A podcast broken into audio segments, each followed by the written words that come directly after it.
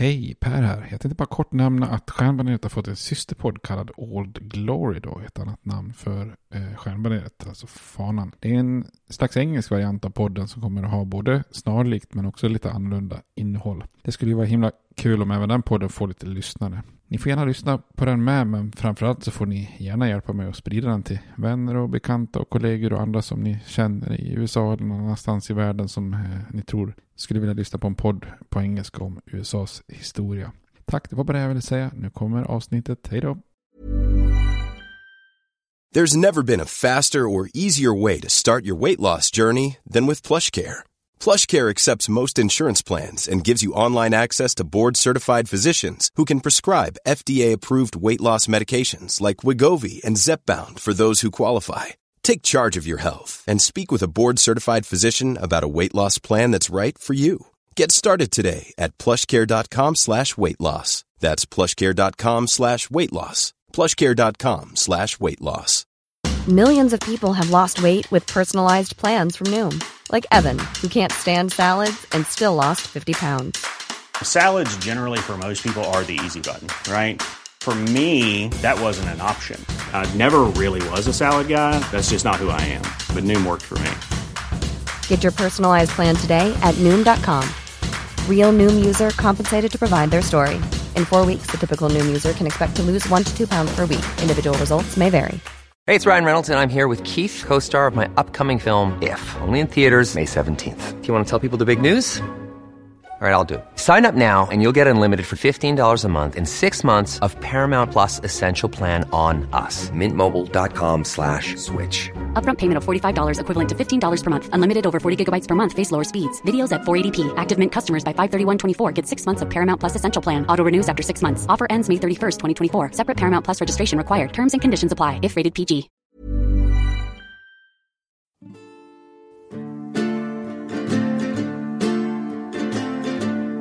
We hold these truths to be self-evident, that all men are created equal, that they are endowed by their Creator with certain unalienable rights, that among these are life, liberty, and the pursuit of happiness. Now we are engaged in a great civil war, testing that government of the people, by the people, for the people, shall not perish from the earth. And so, my fellow Americans, ask not what your country can do for you. Ask what you can do for your country. I have a dream. My four little children will one day live in a nation where they will not be judged by the color of their skin, but by the content of their character. Mr. Gorbachev, tear down this wall. I did not have sexual relations with that woman, Miss Lewinsky. Då säger jag hej och välkomna till Stjärnbaneret igen. En eh, podd om amerikansk historia. Där jag utgår från att eh, ni har lyssnat på de tidigare avsnitten om västens historia. Och eh, hoppas att ni är nyfikna på fortsättningen här. Idag blir det del fem här. Eh, I förra avsnittet så hade vi kommit fram till den lite mer klassiska västern. Vi pratade om guldgrävare och Eh, gruvbolag som drog fram lite hit och dit i västern då i jakt på ädla metaller och guld och silver. Eh, vi pratade att de här strapatserna gav upp till, till de här klassiska gruvstäderna. Carson City, Deadwood, Tombstone och så vidare. Eh, vi pratade också om den multikulturella västern då med det här spansk-mexikanska arvet. Och eh, Idag ska vi fortsätta prata om hur landet kopplas samman med kommunikationer då. Så det blir lite PonyExpress och lite kontinental järnväg och lite liknande grejer då. Lite telegraf och så. Men innan vi går in på eh, ämnet då så eh, först lite öl. Vi, eh, jag bad er att försöka få tag på en klassisk engelsk IPA då.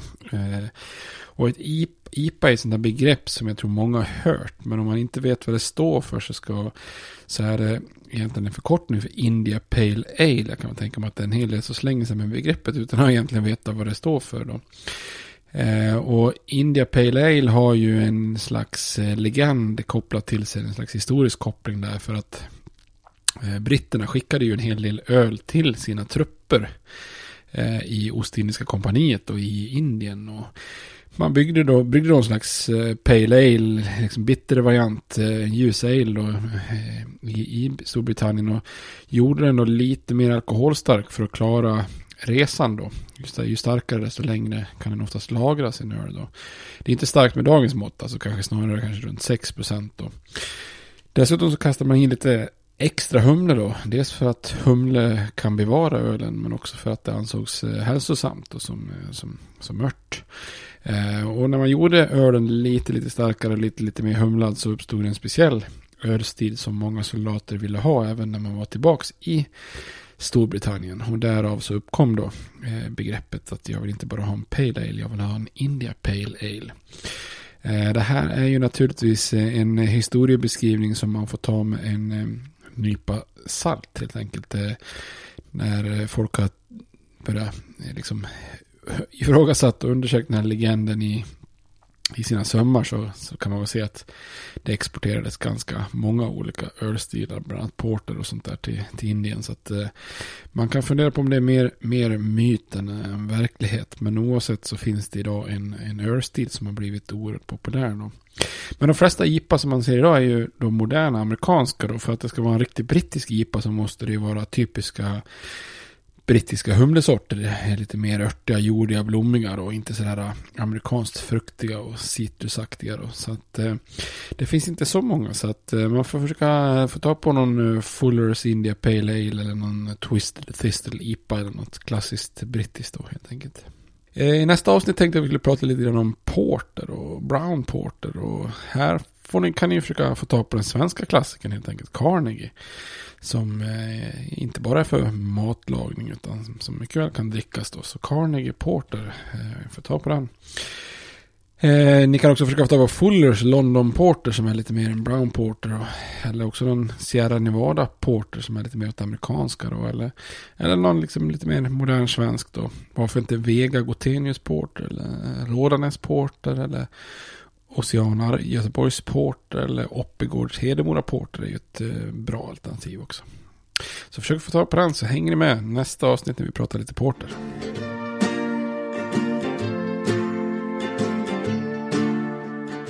Eh, vi pratade ju om gruvbonansen förra avsnittet här och eh, den sätter ju lite grann fart innan och under inbördeskriget. Och Eh, mycket av det vi ska prata om idag händer efter inbördeskriget. Och först ska man ju fråga sig, ställa sig frågan om västern spelade någon roll eh, faktiskt under inbördeskriget också. Och det gör det ju faktiskt, om än i lite begränsande form då. För naturligtvis var ju fokus under inbördeskriget, om ni lyssnar på vår serie om inbördeskriget så ligger ju givetvis fokus öster om Mississippi-floden och det här pratar vi om i flera avsnitt. Alltså egentligen den största fokusen kanske den här östfronten har fått där det liksom är ett konstant dödläge mellan huvudstäderna Washington och Richmond med strider främst i Virginia och eh, så, så otroligt mycket strider väster om eh, Mississippi-floden är det ju inte då. Eh, men det är ju ändå trots allt en viktig del av landet även här då. Eh, och bland staterna väster om Mississippi-floden 1861 så väljer ju Louisiana, Arkansas och Texas att lämna unionen. Eh, Medan eh, Missouri då efter lite tumult och även Iowa blir kvar i, i unionen då. Medan territorierna Kansas och Nebraska var, hade ju unionsmajoritet och förblev kvar i unionen då så att säga. Eh, I Utah-territoriet så var man ju där var, fanns ju de här mormonerna, de var inte speciellt lojala mot varken Washington eller, eller Richmond kan man säga. Eh, däremot i det lite mer glest befolkade New Mexico så fanns det ju en hel del slaveriförespråkare och pro-södern befolkning då som kanske gärna hade anslutit sig till konfederationen om det inte var så att det fanns en federal truppkoncentration eh, där på 12 000 man. Eller på, på eh, 1200 man. Men då är frågan där i New Mexico, kunde man få hjälp av kanske då Texas som låg som grannstat då? Och eh, man kan väl säga att inbördeskriget i väster är ju intressant lite grann för hur Texas gör och hur Texas väljer sida. Och guvernören i, i Texas är ju Sam Houston. Eh, och han motsätter sig faktiskt eh, ett utträde ur unionen. Men en majoritet i delstatens lagstiftande församling kör ju över honom och röstar för ett utträde då med ganska stor marginal den 1 februari 1861 och efter en folkomröstning som bekräftar majoritetens vilja då så ansluter man sig till Amerikas konfedererade stater den 2 mars då. Eh, och då blir man ju den sjunde och sista av de här ursprungliga sju delstaterna som formar konfederationen då. Eh, och då har, man, då har man också fått lov att ersatt Sam Houston med en annan guvernör eftersom han vägrar att svära trohet till konfederationen. Eh, och med Texas i konfederationen så finns det helt plötsligt en gräns långt västerut. Och konfederationens ledare börjar ju då kasta lite blickar västerut här för att de eh, om konfederationen skulle överleva krig, kriget och bli en självständig nation så hade det naturligtvis varit utmärkt att ha en hamn på västkusten i kanske kontrollerat åtminstone södra Kalifornien och även då delar av det, det då ganska stora New Mexico-territoriet då. Eh, som ju är, utgjorde både dagens New Mexico och Arizona då. Eh, ett annat mål som konfederationen ser är att vi skulle kunna erövra även Colorado-territoriet då. Där den här guldruschen vid Pikes Peak precis har startat. Eh, som vi pratade om i förra avsnittet. Det hade ju varit snyggt att få det området under konfederationens vingar också då. Så när eh, ett antal unionstrupper börjar föras österut och många federala officerare säger upp så ansluter sig till, till södern så blir ju konfederationen lite kaxig här i väst. Så sommaren 1861 så avancerar då konfedererade trupper från Texas in i New Mexico-territoriet och, och, där utropar man gladeligen den 1 augusti eh, ett, eh, ett nytt område då, alltså konfederationens territorie Arizona kallar man då. Eh, och det här är i praktiken de södra delarna av dagens delstaten New Mexico och Arizona. Ni kan tänka så här, eh, idag är de ju liksom kluvna Eh, så att Arizona ligger till, till väster och New Mexico till öster. Alltså man hade kluvit dem på, på, på det andra hållet. Så att Arizona hade legat längs hela den södra gränsen. Då. Och det här är faktiskt första gången när, när konfederationen utropar sitt territorium Arizona. Det är faktiskt första namn, gången som det här namnet används för en territorium och stat. Så att även om det inte sammanfaller med dagens geografiskt så kommer det liksom återanvändas eh, senare när Arizona faktiskt blir en, en, ett eget territorium och delstat. Då. I februari 1862 så vinner konfedererade trupper under Henry Sibley en seger över unionstrupper i ett slag som heter Valverde. Och kan inta den viktiga staden Santa Fe som jag pratat om tidigare. Ehm, och vid, i den här drabbningen så är det faktiskt den här kända Kit Carson som leder ett regiment av frivilliga från New Mexico för unionssidan. Då. Eh, för nordstaterna så är inte den här offensiven speciellt acceptabelt då, men de har inte så himla mycket trupper på plats för att försvara New Mexico och Colorado. Då. Men den styrka som ändå finns får viktiga förstärkningar faktiskt i form av 900 frivilliga trupper från Colorado. Eh, kallade då för Pike Peakers efter berget och guldfyndigheterna där. Och, och den här förstärkningen gör lite skillnad. Så att när, när man drabbar samman igen då den 28 mars 1862 vid, i slaget vid Gloriata Pass som är, sker då i, i New Mexico så, eh, så återigen så ser det ut som att de konfedererade vinner det här slaget. Men en ganska djärv manöver utav 400 av de här Pike Pickers under major John Shivington. Han kommer att komma tillbaka till senare för han är ökänd för den här Sand Creek-massakern på indianerna. Men eh, den här Shivington lyckas ta sig runt motståndaren och så förstör han Sibleys tross och stjäl en massa hästar. Så att Ehm, och det här slaget eh, har ju ibland kallats för Gettysburg i väst, vilket ju är ja, väldigt överdrivet kan man säga. De här slagen är ju väldigt, väldigt, väldigt, väldigt mycket mindre. Då.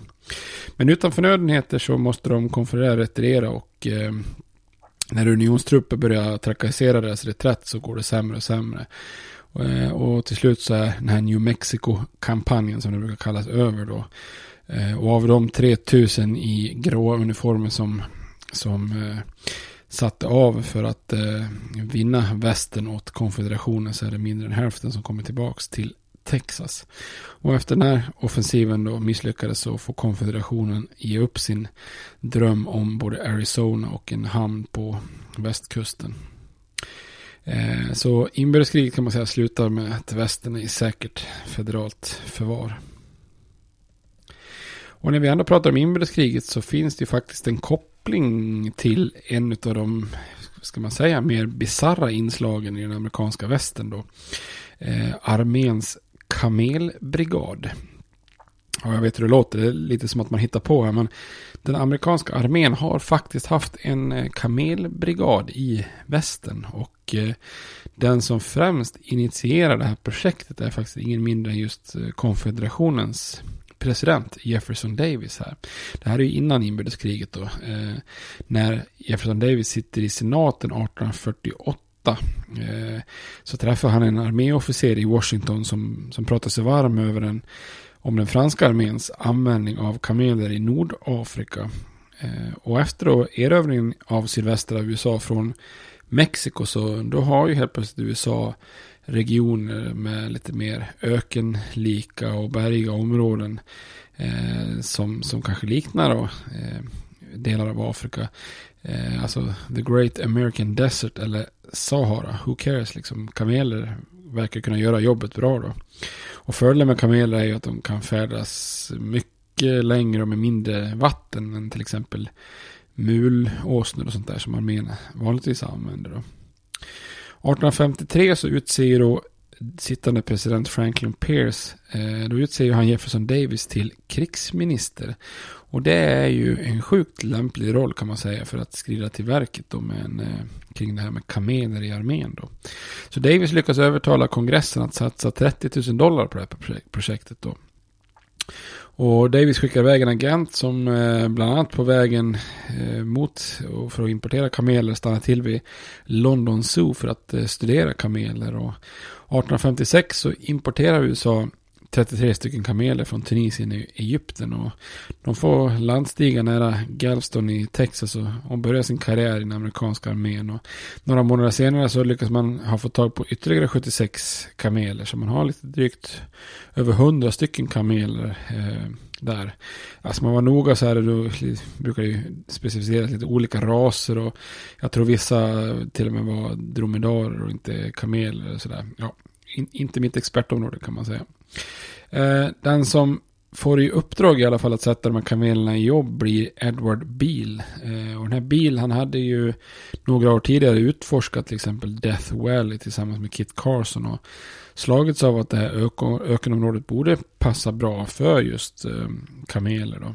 De första expeditionerna i Texas, New Mexico och Colorado går, går utmärkt då med det som nu kallas för arméns kamelbrigad. Eh, kamelerna visar sig vara utmärkt och kan avverka långa sträckor med lite vatten. Och, eh, bil visar upp de här kamelerna i Los Angeles i Kalifornien och han eh, provar också deras förmåga under en expedition hur de klarar kallt och snöigt klimat i Sierra Nevada-bergen och det gör de också utmärkt. Då. Men kamelbrigaden är inte helt utan problem heller då. Kanske inte egentligen kamelernas egna fel då, men deras närvaro tenderar för det första att skrämma andra djur som hästar och mulåsnor. Eh, dessutom är det ganska många inom armén som tycker att de är lite svåra att hantera. De är lite kaxiga med kamelerna. Sen är det ju så med timing är ju viktigt i det mesta och timingen är inte heller helt perfekt. För att eh, när inbördeskriget startar 1861 så tappar ju armén lite intresset för väst i allmänhet och kameler i, i synnerhet kan man säga. Dessutom blir det ju så ett projekt som är så förknippat med förrädaren Jefferson Davis som nu är högsta hönsen hos rebellerna i södern kan ju inte gärna få, få federalt stöd. Alltså Jefferson Davis namn har liksom satt en stämpel på den här kamelbrigaden som gör att det går inte liksom att satsa på detta. Så att det slutar faktiskt med att de här kamelerna till slut börjar säljas till olika cirkusar och zon och så i väst. Eh, men några av de här kamelerna lyckas också rymma. Så under åren så kommer det lite då och då någon rapport eh, från någon som har observerat att de har sett kameler ute i öknarna i, i, i väst. Så sent som 1907 faktiskt så är det någon som rapporterar om kameler. Faktiskt.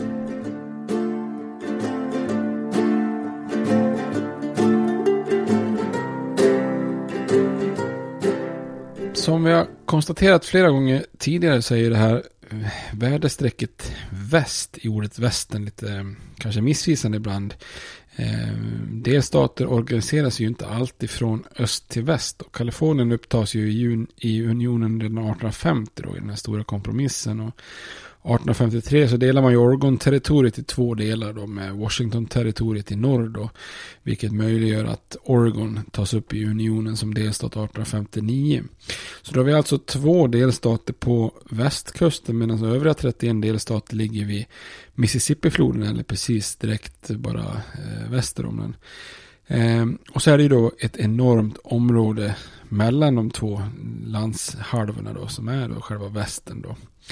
Ehm, och en sak som därmed behöver hanteras är ju då vägen mellan västkusten och övriga USA. Alltså det blir lite som två rikshalvor som vi brukar säga om Sverige och Finland. För Eh, det är inte bara personer och varor som behöver flyttas västerut utan även postgång och information och annat måste ju fungera då.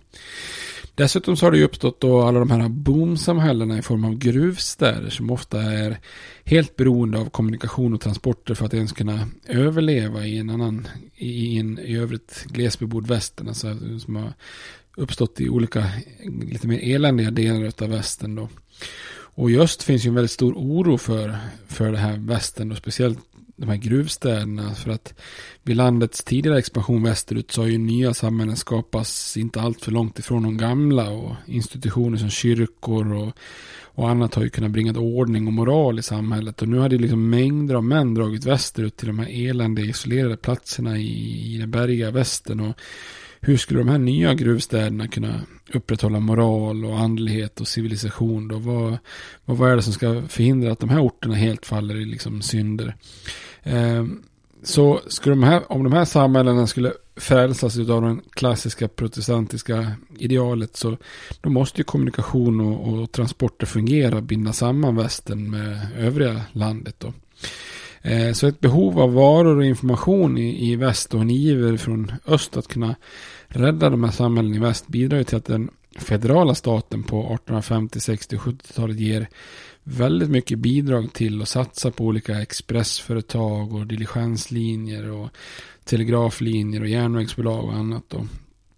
Och eftersom västern främst är faktiskt territorier, då, alltså inte delstater, Eh, så eh, alltså om man tar, tar klassisk amerikansk delstat så vill ju de flesta att den federala makten ska hålla händerna borta ifrån vad man gör då, liksom klassisk federalism och federalt system då. Men så länge eh, västern består av mest av territorier så är det ju den federala staten som som styr över territorierna då. Så att eh, är det någon del av USA som verkligen präglas av att den federala staten Eh, agerar och har stort inflytande så är det just eh, västern då. Och det uppstår ju en hel del framgångsrika företag på det här området då. Eh, som vanligt i västern då. USA är företag. Eh, längs den här Santa Fe Trail som vi pratade om eh, i något avsnitt tidigare pågår det ju en enormt stor handel då.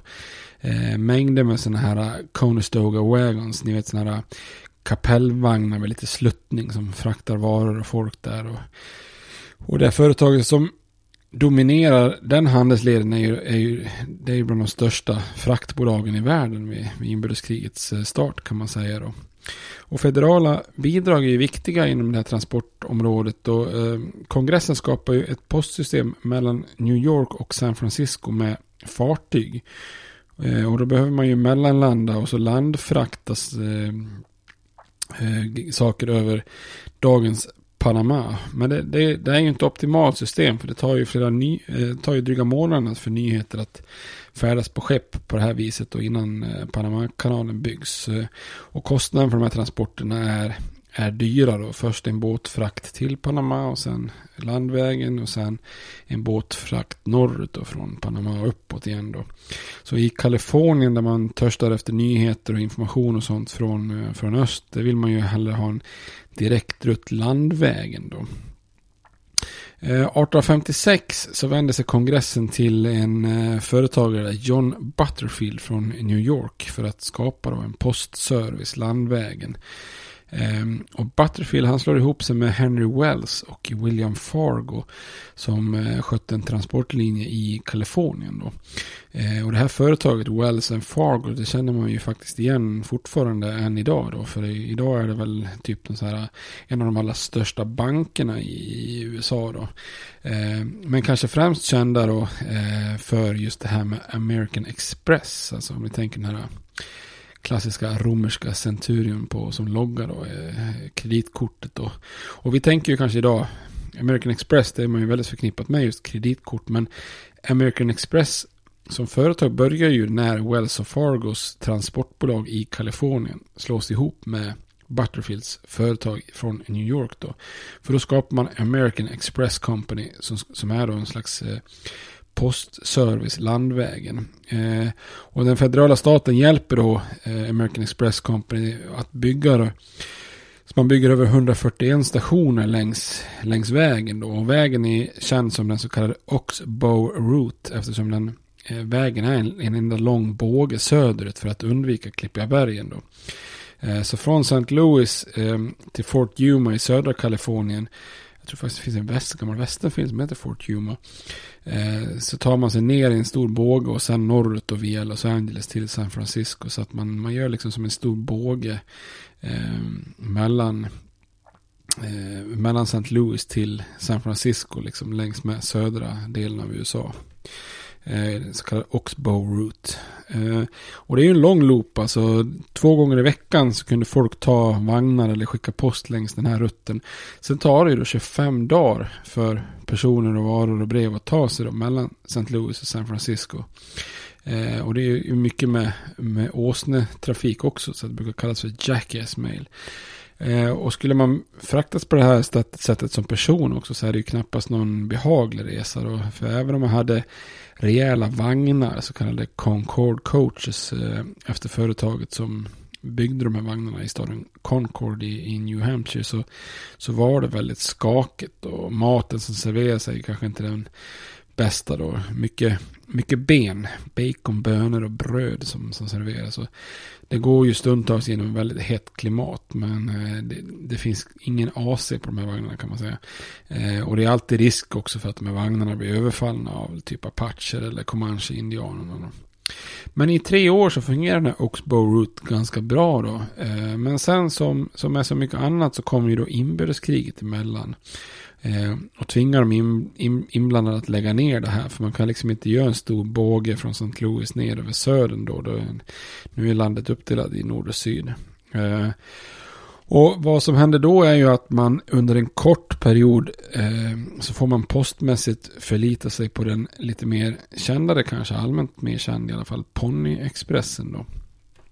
Och tittar vi på Ponyexpressen då så är ju det en postservice mellan Missouri och Kalifornien då. Och själva affärsidén är ju fart. Alltså på runt tio dagar ska olika expressryttare kunna föra post hela sträckan då. Eh, vilket ju blir mindre än hälften av tiden från, från tidigare då. Kanske bara en fjärdedel av tiden från, från båtfrakt då. Så man bygger 115 stationer som placeras ut, placeras ut längs vägen då, där man kan byta hästar. Eh, och runt 120 män anlitas som ryttare.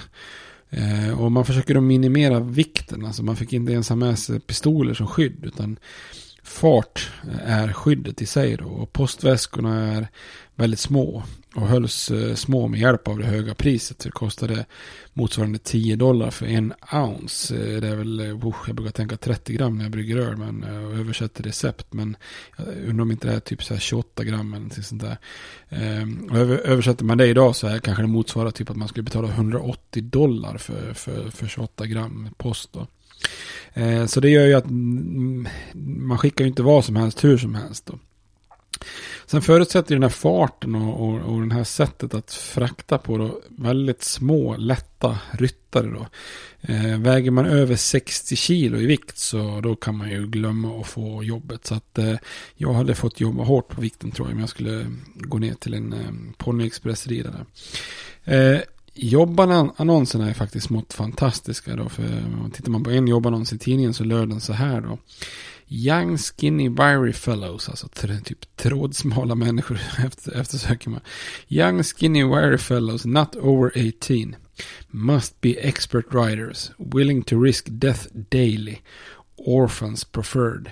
Wages 25 dollars per week. Ja, vad säger ni? Skulle ni ansöka om ett sånt jobb? Fantastisk annons. Man riskerar döden dagligen. Härligt, härligt jobb. Borde ha lite risktillägg kanske. Eh, men den första ryttaren då, som heter Johnny Fry, han lämnar St. Louis, eh, Missouri den 3 april 1860 och eh, posten nådde Sacramento i Kalifornien tio dagar senare. Så det fungerar som det ska då, eller som det är tänkt. Och ryttarna får ju byta häst väldigt ofta då, på de här olika stationerna. Eh, och sen när du har bytt häst några gånger och rider det tött så ungefär 10-15 mil då, så, så lämnar man över till nästa ryttare. Men så är det ju också ett system att om det inte finns någon ryttare tillgänglig där så får man fortsätta. Men normalt sett ska det ju finnas en ryttare för att när du stannar sen så ska du ju kunna vila en stund och sen ska du ju rida samma sträcka tillbaka åt andra hållet när posten kommer från andra hållet. Så att säga. Men om det inte finns någon ryttare där så då, då får man fortsätta och enligt en legend så tvingas den eh, kanske mest berömda ponnyryttaren eh, William Buffalo Bill Cody som vi kommer att komma tillbaka till eh, senare då. Han sägs att, det sägs att han vid ett tillfälle behövde rida över 60 mil innan han kunde lämna över till en, en ny ryttare. Ja, man, man, kan känna en viss tveksamhet. Kanske, kanske är det sant, kanske inte. Men Ponnyexpressen varar faktiskt bara två år. Ehm, och det kan låta konstigt. För den här har ju verkligen hos amerikaner liksom etsat sig fast. Det är som en slags minnesnostalgi deluxe liksom. Det är den här perfekta västernlegenden. Alltså effektivt välorganiserat med en snabb ryttare som ska kämpa mot natur och indianer och sådär. Problemet var ju det att eh, hela ponnyexpressen slås ju liksom i ett enda svep slås den ju ut av te telegrafen.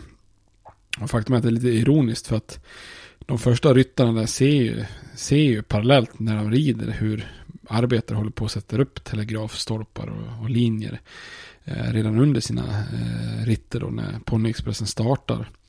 Eh, och telegrafen över landet var ju klart i oktober 1861 eh, och då kan det första kontinentala meddelandet skickas från Washington i öst till Salt Lake City i väst. Eh, så bara året därpå så går ju Ponnyexpressen i konkurs. Därför att nu kan information och nyheter föras över bara direkt med telegrafen då.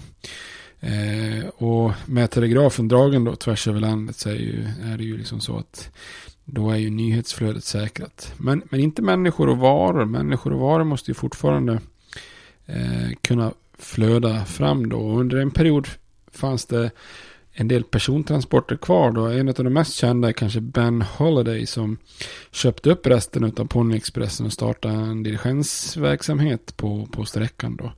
Och under, under några år så sysselsatte han uppåt 20 000 vagnar och 150 000 dragdjur då. Det kan man säga, det är inte direkt illa då. Eh, och han Holiday blev ju snorrik på kuppen då, brukar kallas för Stagecoach King. Det är ett bra namn också. Eh, känd för att gå runt med tusentals dollar i fickorna och med en enormt stor guldklocka runt halsen i en tjock eh, guldkedja. Man kan ju tänka sig att den hade gjort till och med gjort Flavor Flav i Public Enemy avundsjuk om ni känner till den lite udda gamla 90-tals-rapparen. Som en parentes så kan man ju säga att eh, Missouri och St. Louis spelar en, en vik viktig roll som avstampsbräda faktiskt. Det, det mesta vi pratar om nu på något vis utgår ju från, från eh, St. Louis. Det var ju där Daniel Boone slog sig ner när han flyttade västerut en gång. Eh, och det är startpunkten på Lewis och Clarks expedition, huvudorten för pälshandel. Eh, det är här de här kända Oregon, Santa Fe och California Trail liksom passerar. Men också liksom ponnyexpressen. Så att St. Louis är ju eh, en av de största och mest betydelsefulla amerikanska städerna i väst under en lång tid. Eh, den ligger ju liksom lite lämpligt där på Missouriflodens västra strand och länkar samman då den långa Missourifloden med Mississippifloden. Då. Eh, och St. Louis hade ju grundats redan 1764 av fransmännen och döptes till kung Louis den femtonde. Eh, och när Louis och Clark startade sin expedition 1803 så fanns det bara 200 hus längs tre gator och runt 1000 invånare i staden. Och ytterligare typ 1400 runt omkring. Men St. Louis växer och blir ju lite där gateway to the west.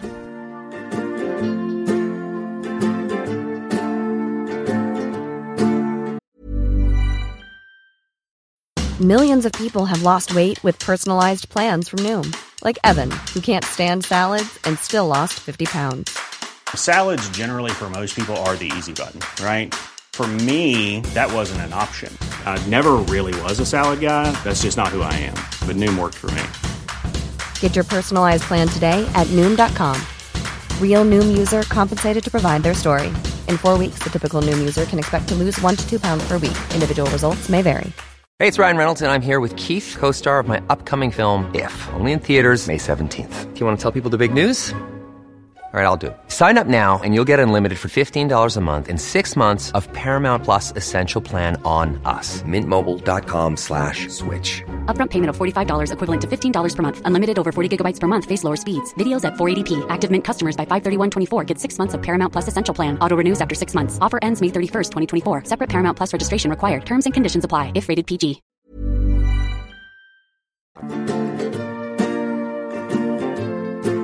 Men precis som telegrafen hade revolutionerat informationsutbytet mellan eh, öst och väst så revolutionerade den transkontinentala järnvägen all typ av transport av varor, och personer och brev västerut när den är klar 1869. Eh, och att järnvägar skulle kunna snabba upp transporter västerut var kanske inte så konstigt då.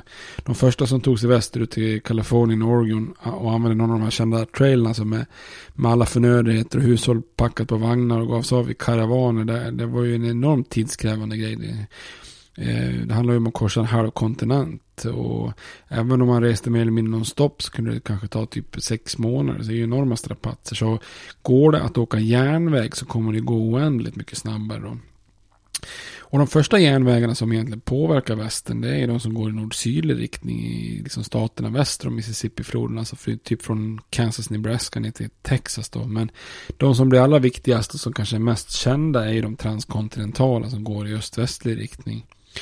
Och det fanns egentligen inga om när det gäller ifall USA skulle bygga en transkontinental järnväg som, som länkar Atlantkusten med Stilla havskusten. Utan frågan var egentligen var, när och hur då. Och armén får ju i uppdrag att kartlägga olika alternativa rutter under 1850-talet. Och flera av de här expeditionerna tar sig fram över områden som tidigare är outforskade. Men även om arméns slutsatser publiceras 1855 i, jag tror det var hela tio volymer, så kommer man ingen vart. För man kan inte komma överens om vart järnvägen ska gå. Eh, den här drömmen om en järnväg grusas ju som så mycket annat utav den här konflikten mellan nord och sydstaterna. Då. Eh, man kan inte komma överens om var, var ska den dras linjen. Eh, ska det vara en södergående rutt som gynnar sydstaterna eller ska det vara en norrgående rutt, rutt som gynnar nordstaterna. Då. Och vi pratar lite grann om hur tiden före inbördeskriget eh, präglas väldigt mycket av den här organiseringen av Kansas Nebraska-områdena. Och ett av huvudmotiven för Steven the Little Giant Douglas när han lägger sina förslag om, om att organisera Kansas eh, är ju för att han just har köpt en massa markområden och vill bana vägen för en järnväg genom området då. Och även det här så kallade Gadsden-köpet, alltså när USA köper en liten landremsa som utgör den södra delen av dagens Arizona och New Mexico. alltså sista, sista gången kontinentala USA växer, det var ju politiker i södern som, som, ledde, som skapade detta då. Och det var ju ett försök att skapa en södergående rutt då. Men så fort de konfedererade staterna är borta från kongressen under inbördeskriget så tar det inte lång tid för republikanerna att driva igenom en lag som möjliggör den första transkontinentala järnvägen. Då. Och kongressen förstår lite att privata aktörer kommer ju inte att bygga frivilligt. Eh, över i princip hela rutten från Missouri till Kalifornien så finns ju ja, typ inget. Så att det finns ju ingen motiv för privata intressen att bygga den här vägen. Det kommer man ju inte att, att vinna någonting på i sig då. Eh, så skulle kusterna förenas med tåg så behövde den federala staten komma in på något sätt för att fixa pengar eller så. Ehm, och det tycker ju många är okej. Okay, man anser att det ligger i det nationella intresset att man ska bygga järnvägar.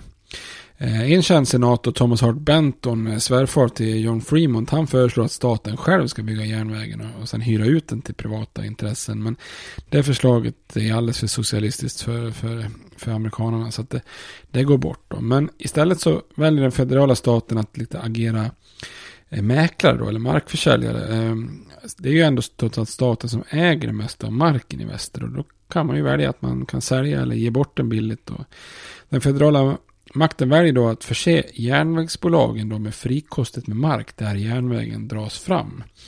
Och då kan ju järnvägsbolagen sedan använda den i sin tur för att sälja och finansiera bygget av järnvägar. Då. Så man skapar en lagstiftning då, The Transcontinental Railroad Act 1862, mitt under inbördeskriget då.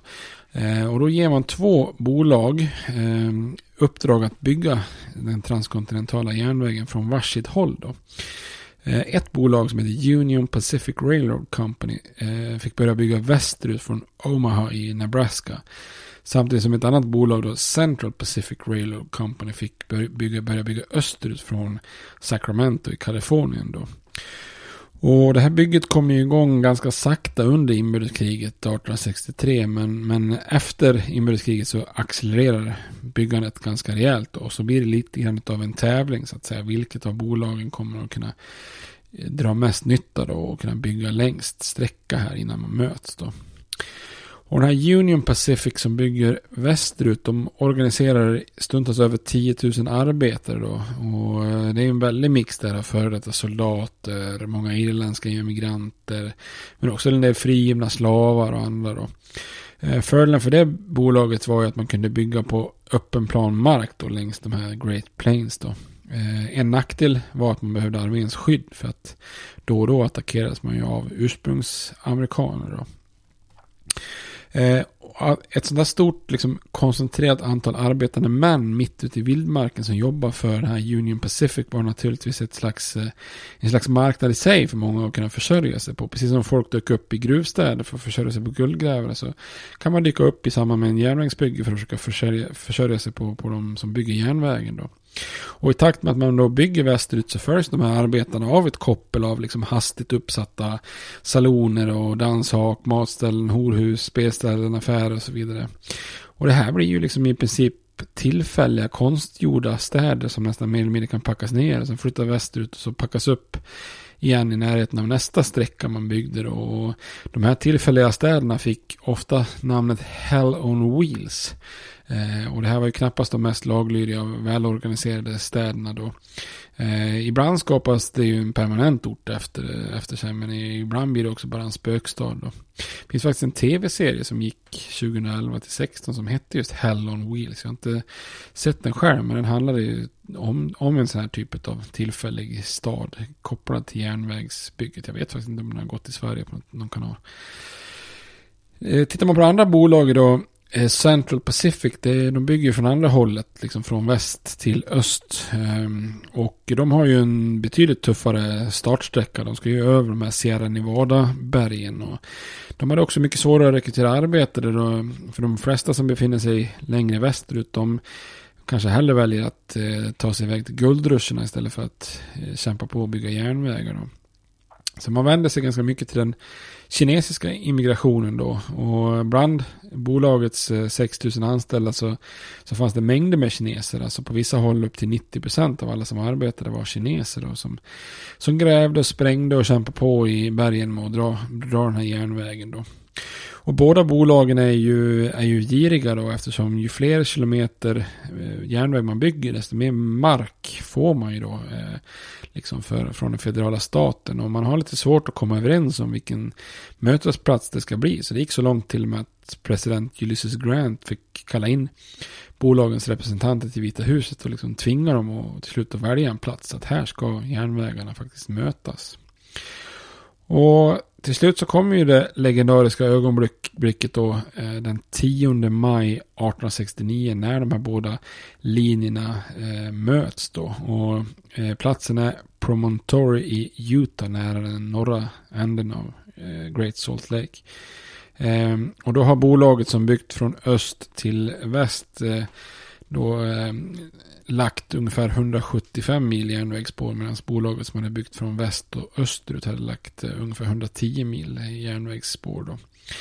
Och det här ögonblicket är ju klassiskt och ska ju naturligtvis eh, firas då. Så under en ceremoni så, så ska de här båda cheferna slå i en gyllene spik av guld då, som den sista lilla spiken i kistan på bygget då. Eh, som en kuriosa kan man säga att båda cheferna missar eh, sitt eh, första försök att slå till på den här spiken. Så att de är inte, de är inte så skickliga byggare själv kan man säga. Men man tar ju då ett legendariskt foto där de här två, det är två tåg som möts. Och så är det massor av arbetare som står bredvid eller sitter på tågen. Eh, man kan googla det fotot, det är verkligen verkligen en bild som på något sätt fångar ett avgörande ögonblick i eh, USAs eh, historia. Då. Sen kan man ju också veta baksidan med bilden då, för när fotot tas så, så ber man ju kineserna att flytta på sig.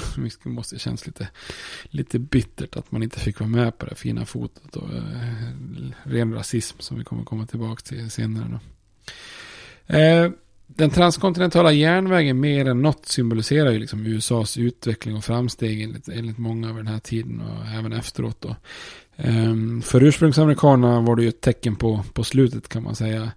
Ehm, och järnvägen är faktiskt klar samma år som Suezkanalen och båda de här två grejerna gör ju att världen binds ihop mer än, än någonsin kan man säga. Sen kommer då ytterligare tre kontinentala järnvägar som når västkusten 1883. Då. Eh, dels bygger man Northern Pacific mellan Minnesota och Oregon. Man bygger också Southern Pacific mellan Dels, dels går den på västkusten då mellan San Francisco och Los Angeles först då, men sen går den då österut till New Orleans.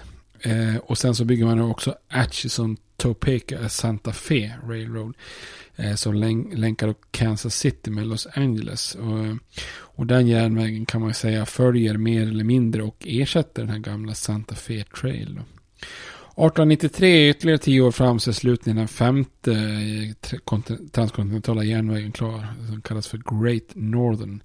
Den går då från St. Paul i Minnesota, nära de stora sjöarna, och västerut parallellt med gränsen till Kanada kan man säga. Sen ut till Puget eh, sundet då vid dagens eh, Seattle.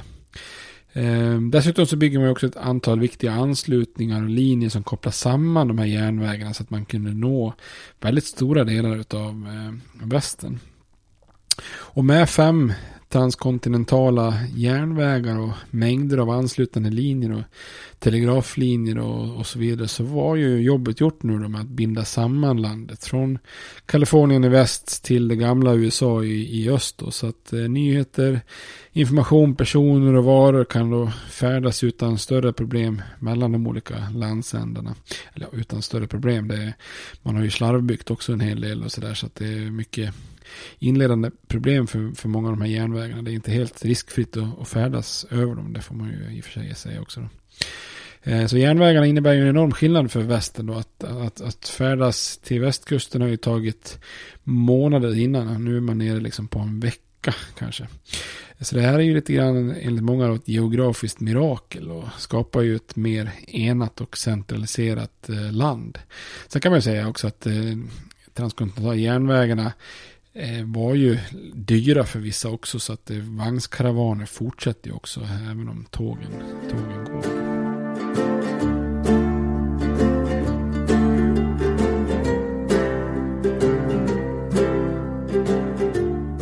Vi har varit inne lite grann idag på det här med eh, kinesiska immigranter och det är ju en intressant immigrationsgrupp som dyker upp här i västern. Redan 1852 så, så fanns det runt 25 000 kineser i Kalifornien och vid tiden för inbördeskriget 1860 så hade siffran ökat till runt 36 000. Eh, och det här gör ju, som vi varit inne på flera gånger tidigare, så västern är ju ett av de mest multikulturella delarna av USA och USAs historia då. Eh, till en början så arbetade de allra flesta i gruvorna i Kalifornien då. Men i takt med att den här gruvbonanzan i Kalifornien började ebba ut så väljer ju många på 1860-talet att jobba för just byggandet av den här transkontinentala järnvägen från, från väst. Då. Och när det bygget är klart så är det ju väldigt många kineser som hamnar i de här större städerna på, på västkusten.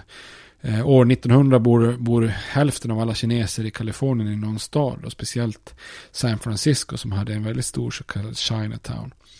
Eh, och Eh, många immigrantgrupper som tar sig till USA har ju för avsikt att stanna. Men så var faktiskt inte fallet i många fall med kineser. Eh, de såg sig verkligen som tillfälliga arbetare som förhoppningsvis skulle kunna göra sig en besparing som de sen kan ta med sig hem till Kina. Så varje år kom det tusentals kineser men samtidigt lämnade också tusentals kineser USA för att återvända hem med de besparingar man har gjort. Då. Eh, och kineser är ju en av de grupperna som utsätts för mest etniska konflikter. Alltså redan som guldvaskare och gruvarbetare möter de väldigt mycket våld och protester från andra grupper. Men även under den här järnvägsbyggandet anses man liksom vara någon slags lägre stående etnisk grupp då. Vilket symboliseras ganska bra då med det här fotet som jag sa när de slår i den här gyllene spiken då när de transkontinentala järnvägen är klar och linjerna möts. Där, där får de inte vara med. Det är självklart liksom kineser kan inte vara med på den här bilden då. Och de allra flesta kineser är ju också gifta. Men eh, fruarna följer ju inte med då. Eh, en, en respektabel kinesisk fru kan inte gärna följa med till USA och liksom hänga vid gruvor och järnvägar och västernstäder och sådär. Eh, men att fru och familj väntade hemma i Kina ansågs ju också vara den bästa försäkringen för att männen skulle återvända en dag till Kina för att behålla heden då för sig och sin familj då. Men även om det officiellt fanns väldigt få kinesiska kvinnor så, så fanns det dessvärre en väldigt utbredd handel med mer eller mindre förslavade kinesiskor som jobbade som prostituerade. Så att på vissa håll är ju andelen, andelen kinesiska flickor väldigt hög då när det gäller prostitutionen i västern. Eh, och kineserna de skapar ju oftast en del av städerna som en stad i staden. Och det är det som blir då Chinatowns. Där man försöker leva utifrån sin egen kultur med sina egna affärer, egna företag, egna religiösa tempel, skolor, opiumhak och med mera så att säga. Eh, och det är ju redan när de bygger järnvägen så, så äter man inte riktigt samma mat som övriga arbetare utan oftast hade egna kök och sånt där. Eh, ofta kontrolleras ju verksamheten i de här Chinatowns av, av företag eller en slags eh, hemligt sällskap eller organisationklubb eller vad man ska kalla det för som kallas för tongs då. Eh, kanske snarare en slags gäng där man svävar under trohet som bröder. Eh, tong, ordet tong betyder ju samlingsplats eh, och fanns ju även bland kinesiska immigranter i Kanada, Australien etc. Då. Och de här Tong drog ju sig inte för att eh, arbeta eller ägna sig åt kriminell verksamhet och aktivitet också då. Eh, till och med fram, fortfarande på 1990-talet så kontrollerades Chinatowns i vissa amerikanska städer fortfarande av sådana här eh, Tong. Och det var ofta konflikt mellan olika då, brukar kallas för Tong Wars. Eh, en känd sån Tong var ju Bling Kong Tong i Kalifornien som var, hade väldigt stort inflytande. Eh, och just det här med att man håller samman då och bor i så kallade Chinatowns och sånt här. Det här stack ju i ögonen på väldigt många amerikaner då, om man säger vita protestantiska amerikaner med engelsk eh, härkomst. Det blir helt enkelt för annorlunda, alltså för långt ifrån det här vita protestantiska idealet. Eh, så kineserna, de blir liksom, vi pratade om mexikaner förra året, men kineser de är liksom ännu mer suspekta till och med än mexikaner då. Och precis som mexikaner så börjar man ju då beskatta kineser som jobbar i gruvorna i Kalifornien då. Eh, och innan den skatten då den här kallade Foreign Miners Tax förklaras ogiltig i Civil Rights Act 1870 så har ju kinesiska gruvarbetare bidragit med 5 miljoner dollar i, i delstaten då. Runt en fjärdedel av Kaliforniens delstatsbudget har, har, har kommit från finanserna med att man beskattar kineser då. Och andra delstater och territorier gör precis som Kalifornien. I Idaho Territory införs också en sån här liknande skatt som lite så här allmänt i, i allmänna ordalag bara kallas för China tax. Och det finns också ett känt rättsfall då, People vs. Hall 1854 då i Kalifornien som tar bort alla rättigheter för kineser i Kalifornien förutom de mest eh, grundläggande då. Och den här domens motivering har ju ett eh, minst sagt eh, udda resonemang faktiskt då. Eh, man säger så här att eftersom Nordamerika från första början egentligen befolkades av asiater som korsade Ber Beringsund. Eh, alltså ursprungsbefolkningens liksom förfäder. Då menar man att asiater som kineser eh, som kommer nu då på 1800-talet är ju i så fall att likställa med den amerikanska ursprungsbefolkningen. Och guess what? De har ju inga rättigheter. Så ja, det har inte ni heller. Så det är så. Så att eh, då innebär det att med den motiveringen så, så kan man ju ta ifrån kineser i princip nästan alla rättigheter. Då. Precis som man gör med, med ursprungsamerikaner. Och kineserna de är ju oftast då villiga att ta lite lägre löner. Eh, och på det viset så konkurrerar ju kineserna med vita arbetare som gärna då börjar protestera och, och göra motstånd. Då. Så under 1860-talet började Kalifornien uppstå så kallade Klubbar Och, ehm, och det här är ju då eh, olika sammanslutningar som under 1870-talet sen började lobba då för lagstiftning som ska förbjuda kinesisk arbetskraft och som arrangerar liksom bojkott mot varor som kineserna producerar. Då. Och de här protesterna går ju successivt över i mer våldsamma protester. Och På 1870 och 80-talet sker flera våldsamma upplopp mot kineser i olika städer i, i väst. Eh, I Seattle gör man till exempel en jäkligt udda protest där man sätter kineser i en båt bara helt enkelt och knuffar ut dem till havs. Det är inte helt hygglo kan man säga. På 1870-talet så börjar politiker i väst spela ut det här kinesiska kortet kan man säga. Och försöker vinna då mängder med vita väljare genom att förespråka liksom tuffhet mot kineser. Så Kaliforniens nya konstitution 1879 nekar kineser rösträtt eh, och förbjuder också offentliga arbetsprojekt att använda kinesisk arbetskraft. Så här är det ju verkligen liksom så här, man spelar man ju på det kinesiska kortet kan man säga då. Eh, och här kan man ju också verkligen dra en parallell då till södern och, och afroamerikaner. Alltså det är som ett tecken på hur djupt rasistiskt USA är. Alltså att det spelar ingen roll om du har mexikanskt ursprung, kinesiskt eller om du är afroamerikan. Då, så det, du, du blir drabbad i det USA som finns. Du har inte samma rättigheter och samma, samma värde som andra. Och det här blir så pass eh, så pass illa att kongressen 1882 faktiskt antar en lag då, Chinese Exclusion Act. Som, eh, som faktiskt förbjöd kinesisk immigration under de kommande tio åren. Eh, och det kommer ju sen då annan lagstiftning som förlänger det hela efter tio år då. Eh, och det här är ju anmärkningsvärt såklart i ett land där, i ett land som mer eller mindre byggt sin utveckling på immigration. Eh, Eh, och det är okej okay att komma till USA var du än är och vem du än är fram tills det börjar komma kineser. Därför att då drar man en gräns. Nej, kineser får inte komma till USA. Eh, följden blir ju också att den kinesiska befolkningen i väst minskar ganska rejält. Och eh, en del kineser återvänder ju hem då och förbudet gör ju att det inte kommer fler. Så andelen kineser i Kalifornien faller med en tredjedel mellan åren 1890 och 1900. Men eh, de kineserna som stannar kvar man kan ju säga att de går lite samma öde till möte som, som hispanics i, i väst och afroamerikaner i öst. Alltså dömda att ta dåliga lågavlönade jobb och med lägre lön än vita även om man utför exakt samma arbete. Så år 1900 så jobbar en av fyra kinesiska män till exempel inom den tuffa tvätteribranschen. Då.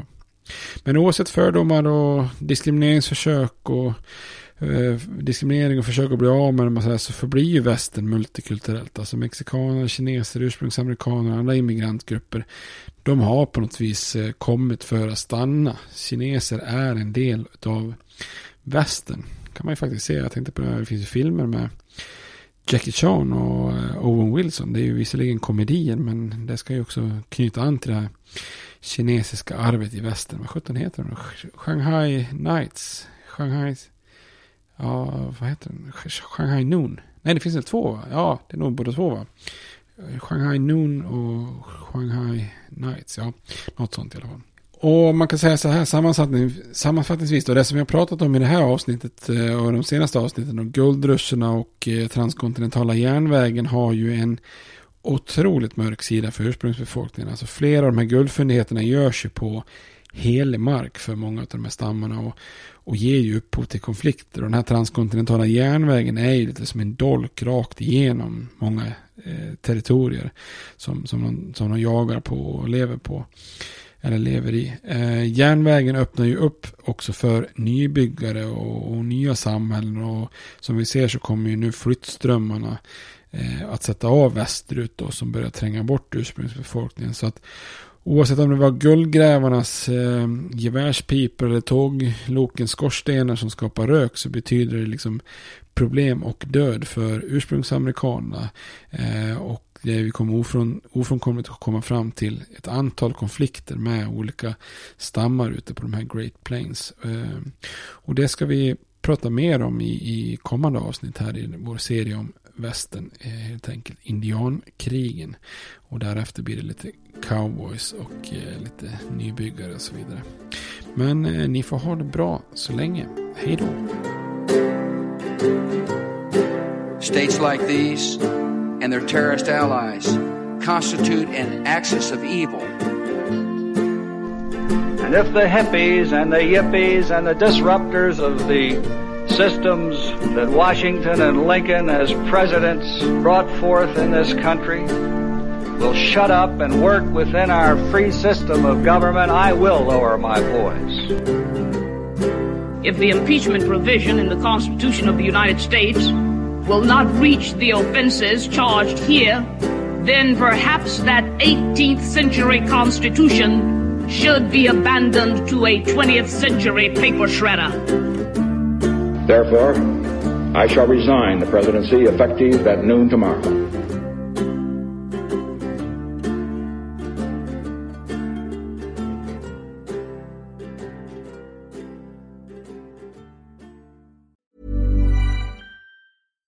Hi, I'm Daniel, founder of Pretty Litter. Cats and cat owners deserve better than any old fashioned litter. That's why I teamed up with scientists and veterinarians to create Pretty Litter. Its innovative crystal formula has superior odor control and weighs up to 80% less than clay litter. Pretty Litter even monitors health by changing colors to help detect early signs of potential illness. It's the world's smartest kitty litter. Go to prettylitter.com and use code ACAST for 20% off your first order and a free cat toy. Terms and conditions apply. See site for details. Planning for your next trip?